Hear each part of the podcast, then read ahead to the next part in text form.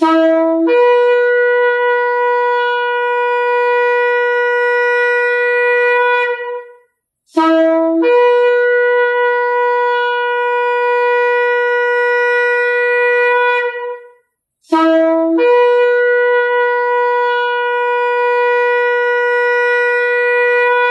LPK yang dikasih Tuhan di mana pun Anda berada. Shalom Besem Yesua Hamasiah. Salam sejahtera dalam nama Yesua Hamasiah dalam nama Tuhan Yesus Kristus Juru Selamat kita. Selamat mengikuti siaran Tekiah telah kata Ibrani Alkitabiah bersama saya Gembala Benjamin Obadia, Ketua GKMI Gereja Kehilat Mesianik Indonesia Jakarta. Siaran telah kata Ibrani Alkitabiah ini dimaksudkan untuk menggali kebenaran Alkitab dari bahasa dan masyarakat Ibrani yang menjadi persemaian tumbuhnya iman Kristiani kita yang berasal dari tanah perjanjian Israel di Timur Tengah. Saudara dapat mengajukan pertanyaan ke 0812 9912 430. Hari ini kita akan membahas kata Shoten Hamasiah, artinya anti Kristus. Dalam bahasa Ibrani dieja Shin Vav Tet Nun dibaca Shoten artinya anti atau lawan. Kemudian He Mem Sin Yud Ket dibaca Hamasiah artinya Sang Mesias yang diurapi. Shoten Hamasiah anti Kristus. 1 Yohanes 2, 18 dan 19 Anak-anakku, waktu ini adalah waktu yang terakhir. Dan seperti yang telah kamu dengar, seorang antikristus, Shoten Hamasiah, antikristos, akan datang. Sekarang telah bangkit banyak antikristus, Syotnei Hamasiah, antikristoi. Itulah tandanya bahwa waktu ini benar-benar adalah waktu yang terakhir. Memang mereka berasal dari antara kita, tetapi mereka tidak sungguh-sungguh termasuk kepada kita. Sebab jika mereka sungguh-sungguh termasuk pada kita, niscaya mereka tetap bersama-sama dengan kita. Tetapi hal itu terjadi supaya menjadi nyata bahwa tidak semua mereka sungguh-sungguh termasuk pada kita. Saat ini di medsos mengaitkan vaksin COVID-19 dengan antikris. Pada program sebelumnya, kita sudah membahas bilangan 666 sebagai bilangan binatang yang merupakan gambaran antikris. Kita sudah membahas gematria Ibrani dari 666 yang merujuk pada kata Neron Kesar sebutan Kaisar Nero dalam bahasa Ibrani. Hebraism ini menunjukkan bahwa Yohanes menulis dengan aksara Yunani namun tetap berpikir secara Ibrani. Dalam program ini kita akan membahas istilah Shoten Hamasiah atau Antikristus agar lebih jelas maksudnya. Rasul Yohanan atau Yohanes mengatakan bahwa seorang antikristus akan datang. Dan sekarang yaitu saat ia menulis surat tersebut sudah bangkit banyak antikristus. Di sini kita melihat bahwa banyak antikristus itu sudah ada sekarang sebagai pendahulu bagi yang kemudian akan datang, yaitu sosok antikristus utama.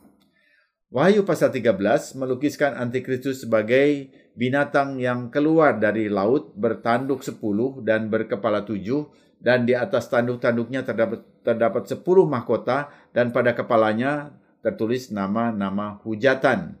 Wahyu 13 ayat 1. Angka binatang itu adalah angka manusia yaitu 666.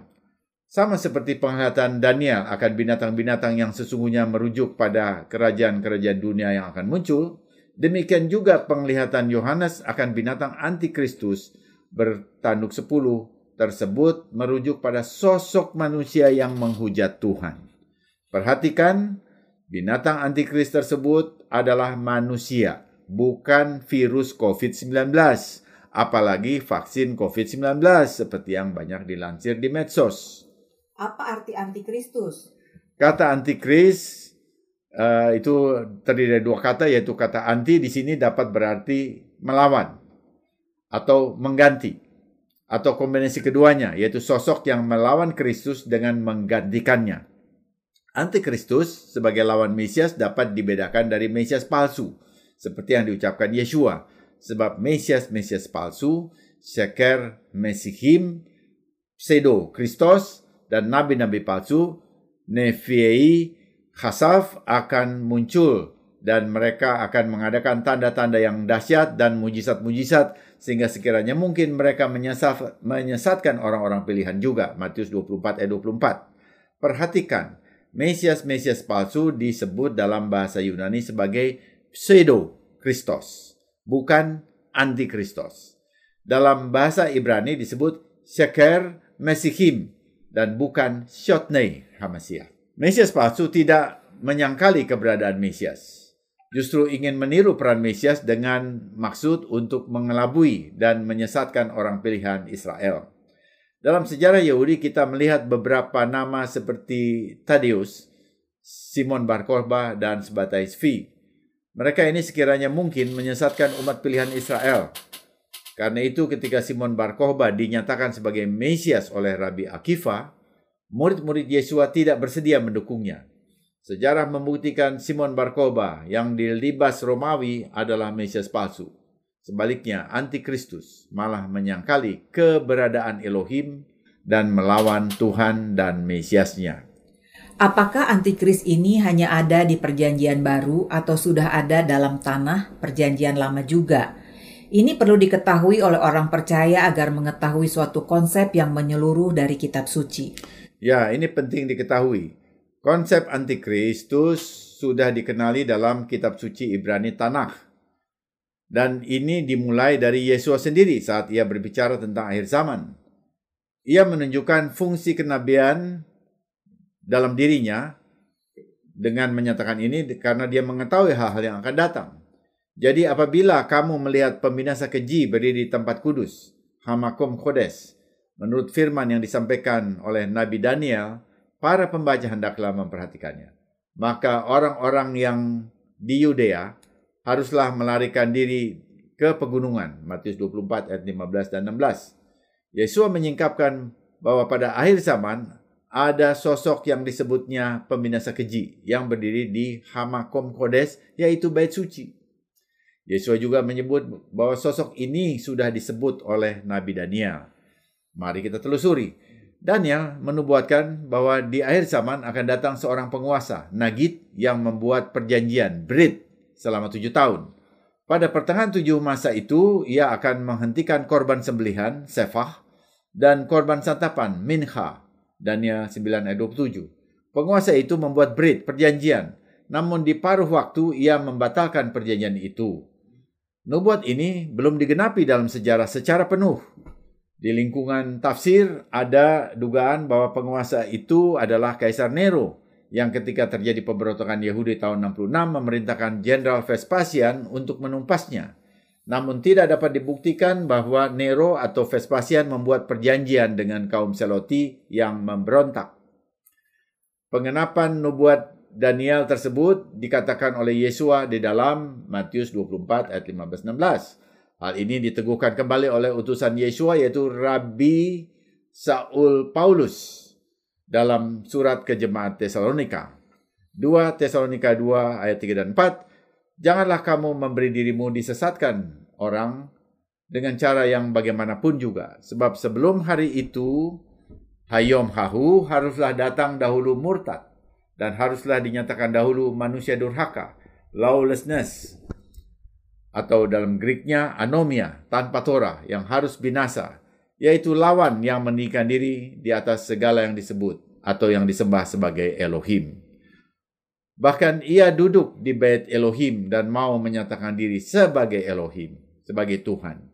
Jelas bahwa konsep antikristus yang muncul dalam surat rasuli itu berdasarkan Injil Yeshua sebagai kelanjutan dari kitab nabi-nabi dalam kitab suci Ibrani Tanah, perjanjian lama. Tetapi di medsos ada rabi antimisionaris mengatakan bahwa konsep antikris adalah kekeliruan pengajaran Kristen. Bagaimana menjelaskannya? Ini disebabkan ketidakcermatan dari rabi antimisionaris itu. Mengapa? Karena ia tak memiliki atau tidak mempunyai sosok figur sentral yang dapat memenuhi nubuat 70 minggu Daniel.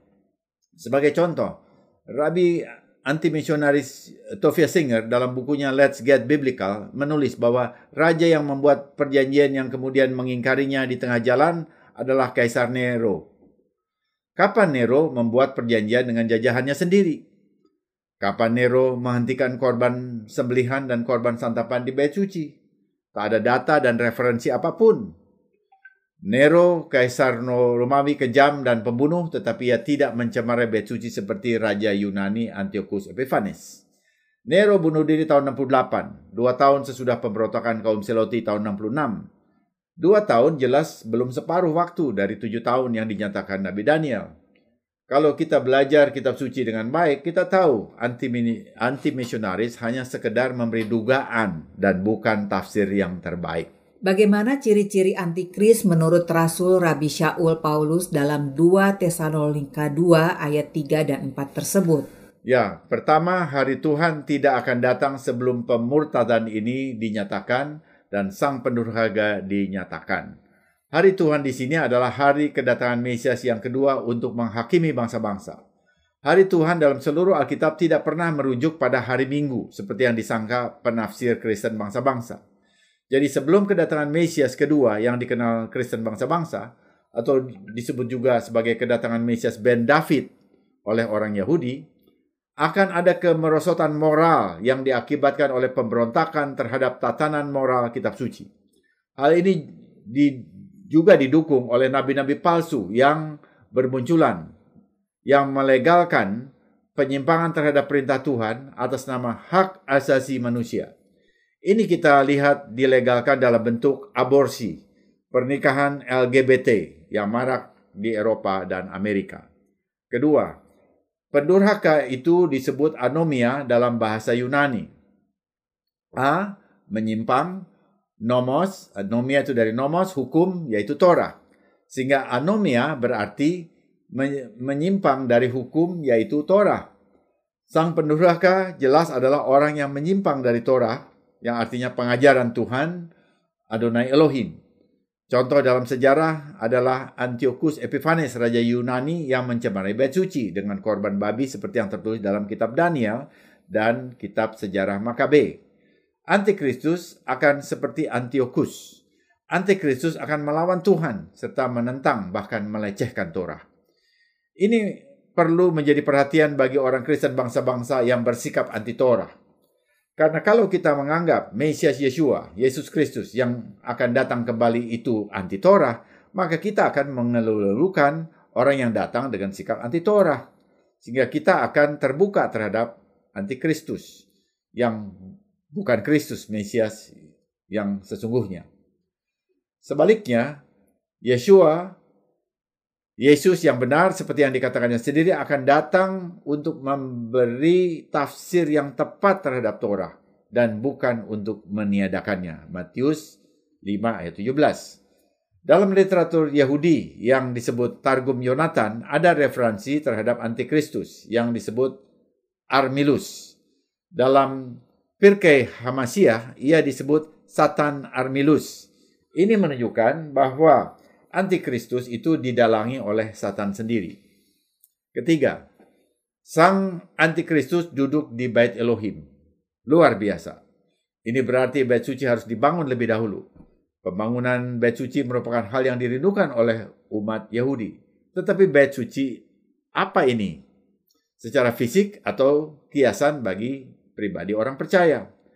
Rabi Saul Paulus menulis surat ini saat bait suci 2 berdiri tegak. Jadi dapat dipastikan maksudnya adalah harfiah. Pada doa Amidah, yaitu doa dalam sikap berdiri berjudul Afoda, orang Yahudi di seluruh dunia memohon Fetechesena eneinu besufeka lezion berahamim Baru ata Adonai, hamakasir sekinato letsion. Kiranya mata kami menyaksikan kembalinya engkau ke Sion dalam rahmat. Diberkatilah engkau Adonai yang memulihkan hadiratnya di Sion. Amin. Ini doa untuk pembangunan bait suci di Yerusalem. Tidak semua aliran Judaisme berkeinginan untuk membangun bait suci secara fisik dan menanti kedatangan Mesias secara pribadi. Misalnya, Reform Judaism tidak mengharapkan keduanya. Mereka hanya menginginkan Messianic era, yaitu masa Mesianik untuk hidup damai dan tenang. Bait suci tiga yang diduduki oleh Shoten Hamasya, antikristus itu, diperkirakan hanya sementara karena akan dihancurkan. Mesias yang benar yang akan datang akan membangun bait sucinya sendiri, yaitu bait suci keempat, sesuai dengan Yeskel 40 sampai 45 di Yerusalem, Israel. Eh, yang keempat, Antikris saat ini belum menyatakan diri secara terbuka karena ada yang menahannya. Siapa yang menahannya? Ada berbagai kemungkinan untuk ini, yaitu pertama Tuhan, Bapa kita di surga, Mesias, uh, Roh Kudus, pekabaran Injil. Jika faktor yang menghalanginya diangkat, maka ia akan menyatakan dirinya. Yang kelima, Antikris akan hangus oleh nafas Yesua HaMasiah. Raf Syaul Paulus menulis, kalau yang menahan itu telah disingkirkan, pada waktu itulah si pendurhaka baru akan menyatakan dirinya. Tetapi Tuhan Yesus akan membunuhnya dengan nafas mulutnya dan akan memusnahkannya kalau ia datang kembali. 2 Tesalonika 2 ayat 8. Nafas mulut Mesias adalah roh Mesias. Kalau antikris itu manusia, orang mana dia? Tidak ada pernyataan yang tegas di dalam kitab suci. Tetapi kalau kita lihat Yesua memakai Antiochus sebagai model antikris, maka kita dapat menarik kesimpulan ia berasal dari lingkungan bangsa-bangsa, bukan Yahudi. Juga angka 666 merujuk pada Kaisar Nero dari Romawi, bukan Yahudi. Ini tafsir yang memakai data biblikal. Tadi dijelaskan Shoten Hamasiyah atau antikris menyangkali Mesias bahkan Tuhan. Bagaimana menjelaskannya? Pernyataan ini membawa kita um, ya kepada surat Yohanes. 1 Yohanes 2 ayat 22 sampai 25. Siapakah pendusta itu? Bukankah dia yang menyangkal bahwa Yesus adalah Kristus? Dia itu adalah antikristus, yaitu dia yang menyangkal baik bapa maupun anak. Sebab barang siapa yang menyangkal anak, dia juga tidak memiliki bapa. Barang siapa mengaku anak, ia juga memiliki bapa. Dan kamu, apa yang telah kamu dengar dari mulanya, itu harus tetap tinggal di dalam kamu. Jika apa yang telah kamu dengar dari mulanya itu tetap tinggal di dalam kamu, maka kamu akan tetap tinggal di dalam anak dan di dalam bapa. Dan inilah janji yang telah dijanjikannya sendiri kepada kita, yaitu hidup yang kekal. Surat ini ditulis oleh Rasul Yohanan yang namanya ditransliterasi menjadi Ioannes Yunani atau Yahya Arab lalu Yohanes Indonesia. Sebagai murid Yahudi yang dikasih Yeshua, ia menulis ayat-ayat tersebut dari perspektif Yahudi setelah mendengar ajaran Yeshua dengan seksama. Misalnya, jikalau sekiranya kamu mengenal aku, kamu mengenal juga Bapakku. Yohanes 8 ayat 19. Aku dan Bapa adalah satu, ehad. Yohanes 10 ayat 30. Dalam bahasa Ibrani ada dua macam kata satu. Yahid, singularity, ketunggalan. Dan ehad, unity, kesatuan. Karena Bapa dan anak adalah ehad, satu dalam kesatuan, maka orang yang menyangkal anak juga akan menyangkal Bapa. Orang yang menyangkal Yesua juga akan menyangkal Bapa Surgawi. Orang yang menyangkal Yesua tidak akan memiliki Bapa, tetapi orang yang mengakui Yesua, ia juga memiliki Bapa Surgawi. Ayat-ayat ini jelas tidak mendukung pemikiran two covenant theory yang menyatakan bahwa Yahudi mempunyai perjanjian sendiri dan karenanya tidak memerlukan Besora Injil dan tidak perlu memer tidak memerlukan Yesua. Dengan teori ini, beberapa orang Kristen bangsa-bangsa yang sebelumnya sudah percaya Yesua, sudah mendengar rabi anti-misionaris, tiba-tiba berpikir ingin jadi Yahudi modern. Dan agar dapat diterima, kemudian melangkah lebih jauh dengan menyangkali Yesus, Yeshua sebagai Mesias. Rasul Yohanan yang kenal dekat dengan imam besar karena ia mempunyai garis keturunan Lewi, Yohanes 18 ayat 15, justru melihat sikap seperti itu sudah masuk ke dalam pengaruh antikristus seperti yang ditulis. Dan setiap roh yang tidak mengaku Yesua, Yesus, tidak berasal dari Elohim. Roh itu adalah roh antikristus dan tentang dia telah kamu dengar bahwa ia akan datang dan sekarang ini ia sudah ada di dalam dunia. 1 Yohanes 4 ayat 3. Saudara, jangan terobsesi dengan antikristus yang akan datang dengan segala bentuk teknologi canggih, chips, robot nano, dan sebagainya. Karena roh antikristus yang mendorong penyangkalan akan Yesua ternyata sudah ada di sekeliling kita sejak dulu sampai sekarang. Di zaman modern ini kita melihat godaan untuk menyangkali Yesua, Yesus dengan menjadi proselit, mu'alaf, juga benai Noah yang ada di sekitar kita. Ini yang harus menjadi kewaspadaan bagi kita orang percaya. Sejak zaman pertama sampai sekarang, Sejak abad pertama maksud saya sampai sekarang, orang percaya memberitakan kabar baik dengan satu tema. Yesua adalah Hamasiah dan Hamosiah bagi Yahudi maupun bangsa-bangsa. Semoga siaran ini memberkati saudara. Informasi bagi saudara. Ibadah Syabat Mesianik Gereja Kehilat Mesianik Indonesia akan disiarkan secara live streaming di YouTube. Subscribe channel Kehilat Mesianik untuk mengikuti ibadah dan pengajaran akar Ibrani secara online. Telah tersedia kalender Mesianik GKMI 2021 dengan fitur penanggalan Ibrani dan internasional, tanggal Hari Raya Alkitabiah atau Moadim, daftar bacaan parasya dari seluruh Alkitab, foto-foto perayaan di Israel dan di Indonesia. Miliki segera sebagai sarana belajar sepanjang tahun bersama siaran Tekia Kontak Yanti di 0813 813 17440. Bila saudara diberkati oleh siaran Tekiah dan mau kembali memberkati siaran ini, saudara dapat mengirimkan dukungan dengan menghubungi Happy di 0811 910 814. Sesudah narasi ini kita akan mendengar lagu rohani mesianik Yesua Hamasiah, Jesus is the Lord He is Jesus Christ, the Redeemer. His mercy is forever and ever. Yesua Sang Junjungan, Ia penebus belas kasihannya selamanya bagi saudara. Tiba saatnya saya Gembala Benjamin Obadia dan Penatua Ira Obadia mohon diri dari ruang dengar saudara. Sampai jumpa pada siaran mendatang.